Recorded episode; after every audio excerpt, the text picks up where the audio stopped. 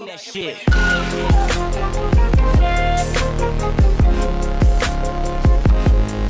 Shit. Halo semuanya, balik lagi sama Jali dan Nika tentunya di Sofan Santuy Ngobrol bareng yuk Nah kali ini kita nggak berdua aja nih teman-teman Kita sekarang ada temen gue yang baru balik dari Aussie nih Kenalin, siapa nama lu bro? Nama gue William. Halo William Nika udah kenal belum sama William? Belum nih, baru ketemu sekarang nih ya Kenalan dulu tuh Salam kenal.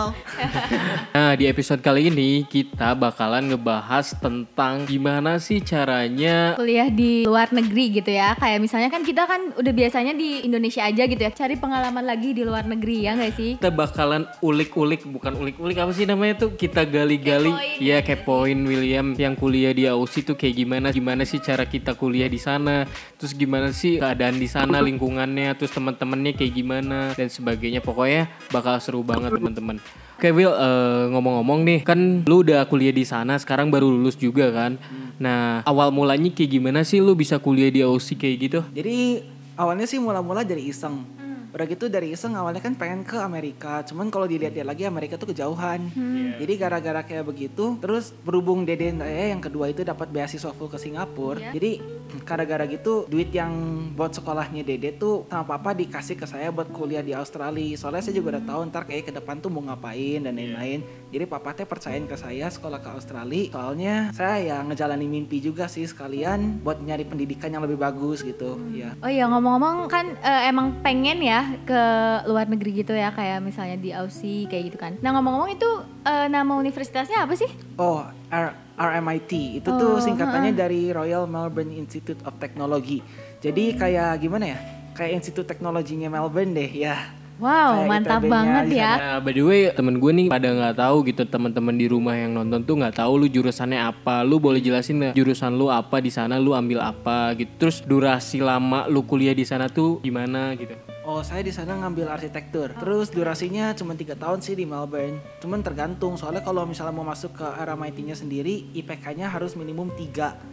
Udah kayak gitu terus kalau misalnya udah masuk sana, terus kuliahnya juga lumayan susah, terus dikejar-kejar deadline dan lain-lain. Berhubung saya kuliahnya arsitektur, arsitektur tuh semacam kayak satu stream yang lumayan hektik gitu ya. Iya. Jadi kadang-kadang saya tuh suka dikejar-kejar deadline. Tiap tiga hari sekali tuh ada kayak project, terus harus kayak gimana ya, ngumpulin market, project dan lain-lain. Bener-bener full banget gitu ya kuliah. Hmm, Maksudnya tuh tugasnya tuh kalau anak arsi tuh, maksudnya tuh di Indonesia aja teman-teman gue juga banyak gitu kan anak arsi. Terus mereka tuh jarang tidur gitu Hmm, karena emang tidur nugas terus juga. kan. Banyak sama ketiduran di sekolah ya. Emang sama di sana juga kayak sama, gitu. sama nginep di sekolah ya.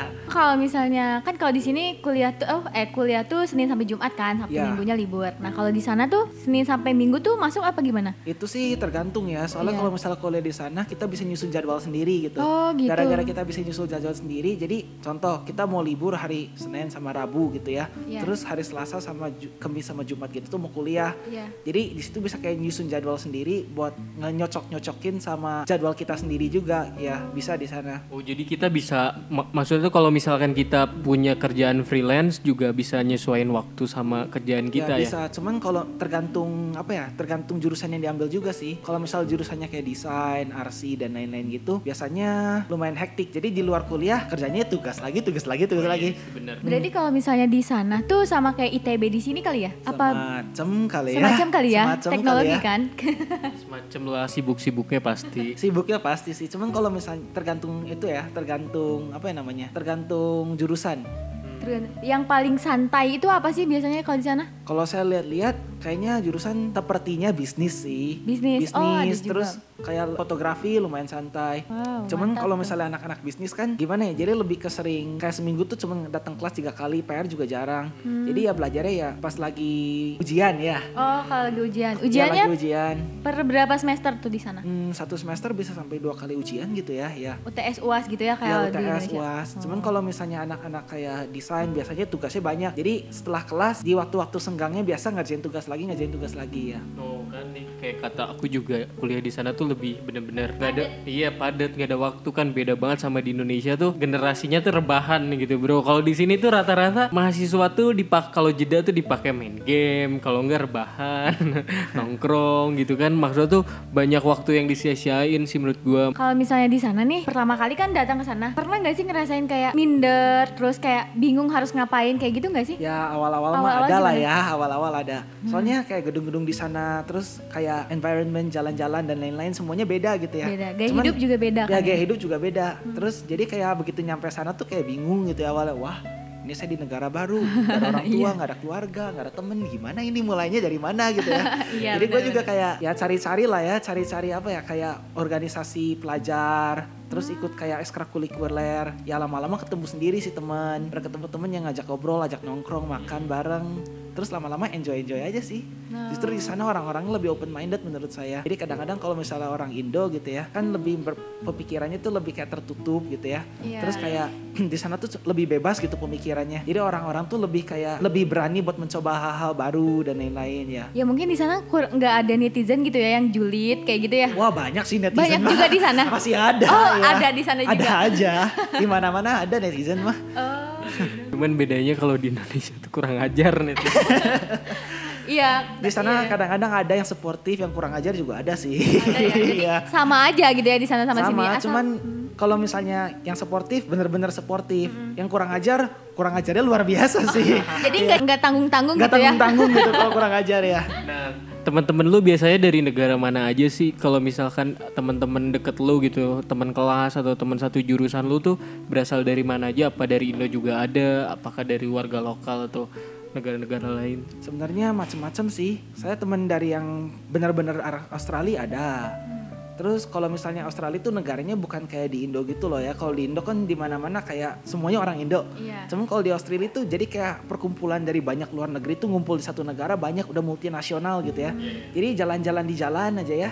Di sana ada orang dari Inggris, di kiri ada orang dari Thailand, China dan lain-lain banyak ya. Jadi kayak udah multinasional banget gitu. Oh, tapi rata-rata orang banyak kebanyakannya teman-teman lu Asian juga gitu. Kebanyakan teman-teman saya sih tergantung sih ada. Jadi berbagai macam grup gitu loh. Ada grup Australia, ada teman-teman Indo ada, terus teman-teman dari multi country juga ada kayak dari Thailand, Singapura, Malaysia, terus dari Jepang, Korea ada ya. Hmm, jadi rata-rata emang eh, orang-orang Asia ya, Asia masih Hmm, orang Asia Asia. Cuman dari Tenggara Eropa juga ada sih kayak Eropa dari juga Jerman ya. Hmm. Kadang-kadang ada yang datang-datang ke sana. Kok bisa tahu sih universitas ini tuh bagus? Kamu tuh gimana gitu? Googling Cari aja tahu. sih. Googling dulu. Googling ya. Terus langsung tiba-tiba ke sana atau gimana sih? Oh jadi Pertama-tamanya? pertama sih tahapnya gimana ya? Awal saya nyari-nyari gitu universitas di luar negeri yang bagus di mana. Kan Iya. awalnya kan Amerika gitu ya. Iya, pasti Cuman ya. lama kelamaan tuh saya kan pengen gitu ya ke negara Eropa. Cuman kalau ke Amerika dan lainnya kan kejauhan. Iya. Makanya saya tuh coba cari-cari di Australia yang bagus di mana. Terus Iya. dari Australia nyari kuliah yang bagus. Bukan kuliahnya bagus, tergantung mata pelajarannya juga. Contoh, Hmm. saya kan ngambil arsitektur. Kalau kuliah berdasarkan ranking yang bagus kan Melbourne University gitu ya. Cuman kalau misalnya berdasarkan kayak apa ya, berdasarkan jurusan, contoh saya arsitektur nomor satu di Australia, ya RMIT sih. Jadi tergantung jurusan saya nyarinya pertama. Udah nyari jurusan terus saya apply ke agent. Bisa apply sendiri, bisa minta bantu agent juga bisa sih. Jadi paling minta bantu dari agent, udah minta bantu ke agent, ntar dia yang bakal ngejurusin gitu mau kuliahnya di mana, programnya mau apa, kira-kira kuliahnya mata pelajarannya gimana, cocok gak, sesibuk apa dan lain-lain. Ntar bakal dikasih tahu di konsul sama si agent. Terus udah dari agent bikin visa, tes Inggris paling TOEFL, IELTS, terus udah dapat nilai, udah dapat tes Inggris, udah lulus dapat kayak nilai Aptanas murni gitu lah ya bisa. Terus baru bisa ke apply, udah apply, bikin visa, pergi. Ya. Oke, gue bakal nanya sedikit sensitif nih bro. Gue pengen tahu sih berapa sih lu spend money di sana gitu sehari lu buat makan, buat dan sebagainya. Terus biaya kuliah di luar negeri tuh kayak gimana sih biar teman-teman yang nonton juga tahu gitu kan? Hmm, Sebenarnya kalau biaya kuliah tuh mahal ya, mahal banget. Terus biaya makan juga di sana sebenarnya mahal. Cuman kalau misalnya diselingin sama kerja paruh waktu, diselingin sama bisnis sendiri atau apa gitu ya, tadi bisa-bisa aja. Soalnya pendapatan gede, pengeluaran gede juga di sana. Jadi saya kasih kira-kira aja sih ya. range Kalau- harganya ya, aja. range harganya. Contoh kuliah sebenarnya mahal banget. Kuliah di sana per tahun bisa sampai 300 sekian juta ya. 300 sekian juta per Wow, tahun. teman-teman yang mau kuliah di Aussie tuh harus Dapat mobil nyiapin Pajero tuh. iya, setahun lu udah dapat bisa mobil kebeli Pajero, Pajero. ya. Terus kalau misalnya biaya makan sekali makan paling murah-murah banget gitu ya kalau makan di luar 100 ribu itu paling murah paling murah-murahnya Paling murah seratus ribu di sini seratus ribu udah kayak bisa dapat apa di gitu sana ya. nggak ada warteg nggak ada apa-apa di sana Oh, nggak nggak ada di sana? Ya, di Jadi sana kita ada harus- kayak hawker gitu cuman hawker center juga masih mahal rata-rata makanan 12 dolar 14 dolar which is 120 ribu 140 ribuan ya makanan di sana lu biasanya makan nasi apa udah kebiasaan makan makanan di sana? Kalau oh sorry, kalau misalnya mau irit masak. Kalau masak, masak. harga daging lumayan murah di sana. Cuman kalau misalnya nggak bisa masak ya terpaksa harus ngeluarin biaya gede sih. Cuman kalau misalnya kerja paruh waktu di sana kan gajinya per jam juga ya. Terus per jam juga kadang-kadang rata-rata dapatnya dari 180 ribu sampai 250 ribu lah ya. Kalau misalnya masih student, masih murid. Apalagi kalau di bawah umur 18 gitu. Kayak saya kan ke sana umur 16. Jadi pertama-tama pas kerja paruh waktu gitu gaji paling di bawah 18 dolar per jam atau mentok-mentok 20 lah 20 dolar per ya, jam. per jam. Wow, gila. Kalau di sini tuh udah berapa ya? ya, jadi 200 ribu per jam di sana ya gajinya. mantap dong. Itu kerjanya ngapain? Kerjanya Iya, 20 Biasanya. itu 200 ribu per jam tuh kadang-kadang kerjanya McD, Oh terus iya iya. kadang-kadang iya. pizza delivery apa. Oh, di iya, sana iya. kerja Gojek, Grab gitu juga bukan Gojek sih namanya, Kalau cuman di sana apa? Uber ya. Uber, Kerja jadi oh. Uber driver kemarinnya saya juga pernah. Jadi Uber sekali nganter-nganterin dapat 60 ribu, 70 ribu gitu sekali nganterin ya. Wow mantap banget ya. Berarti sekali nganterin di sana 70. Kalau di sini cuma 2000, 5000 gitu ya. Nah, itu sekali nganterin di sana. Jadi pendapatan gede, pengeluaran juga gede iya, sih. ya. sama-sama gitu ya. Biasanya suka nongki gitu-gitu nggak? Ya, kadang-kadang sering sih ya. Tapi kalau misalnya tiap hari boros ya berarti ya. Tiap hari boros ya masak sih. Paling minggu biasa minggu beli banyak makanan. Iya. Masak buat tiga hari, empat hari. Masukin kulkas, masukin kulkas terus ya makan aja sehari dua hari tiga hari di sana. Terus kalau misalnya itu tiga hari makan tuh bisa kuat buat seminggu contohnya. Iya. Jadi kalau misalnya abis kampus gitu ya diajak temen makan ke mana nongkrong bareng atau apa ya makan ke sana sekali. Terus malam makan makan malamnya ya makan yang bekas makan masak-masak itulah. Nah, kalau misalkan lu di sana ngekos apa ada rumah tinggal atau ada apartemen atau Ngekos. kayak gimana? Ngekos ngekos. Nah biayanya berapa sih ngekos di Aussie gitu kan di Indonesia kan maksud tuh yang di bawah sejuta juga ada gitu kan yang bawah sejuta ada yang lima ratus ribu tiga ribu ada gitu yang 2 juta juga ada kalau misalkan di Aussie gitu berapa sih harganya? Tergantung lokasi. Kalau saya kan kuliah kampusnya di tengah kota banget. Kalau misalnya di tengah kota biasa harganya mahal. Kalau misalnya mau kamar sendiri kayak sendiri banget, kisaran harga dari 14 juta per bulan. Waduh, Ya, gila. itu- itu... fasilitasnya apa aja? Itu tuh udah fully furnished. sih. Fully furnished tuh berarti udah dikasih meja, udah dikasih ranjang, udah dikasih bed cover, AC semua udah ada. Itu 14 juta per bulan. Kalau misalnya unfurnished juga harganya kisarannya sama-sama aja sih. Sama-sama 13 juta, 12 juta per bulan kalau mau sendiri. Tuning sekali. Ya, mahal.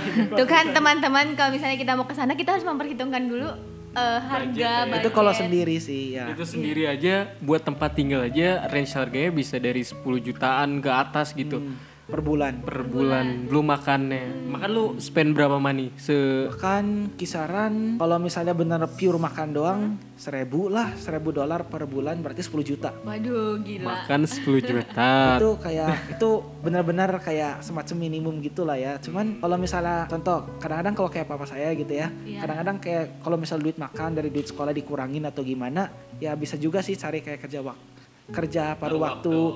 Jadi kadang-kadang kan kalau saya kan kuliah arsitektur gitu ya. Iya. Terus tiap minggu harus bikin market. Contoh kayak mau bikin market seminggu kan bisa sampai tiga kali, eh seminggu dua kali gitu ya. Iya. Kalau misalnya mau bikin market, contoh beli material di sana aja mahal. Beli contoh steril foam, terus beli kayak kardus, MDF gitu ya. Iya. Buat dipotong, buat diapain tuh harganya sendiri aja bisa steril foam bisa 250 ribu, kertas A3 gitu ya. Wow, gila kalau di sini Ya, cuma gar- 5000. lebih mahal dari makan. Jadi kalau misalnya kayak papa saya gitu ya, duitnya di bener-bener dipas-pasin banget gitu. Ntar kira-kira ya mau nggak mau harus nyari kerja paruh waktu sendiri atau nggak nyari kayak penghasilan sampingan dari mana? Ya dari Uber lah, dari kerja sampingan, dari banyak sih ya Wow. Jual-jual barang di sana cobain open PO, masak apa.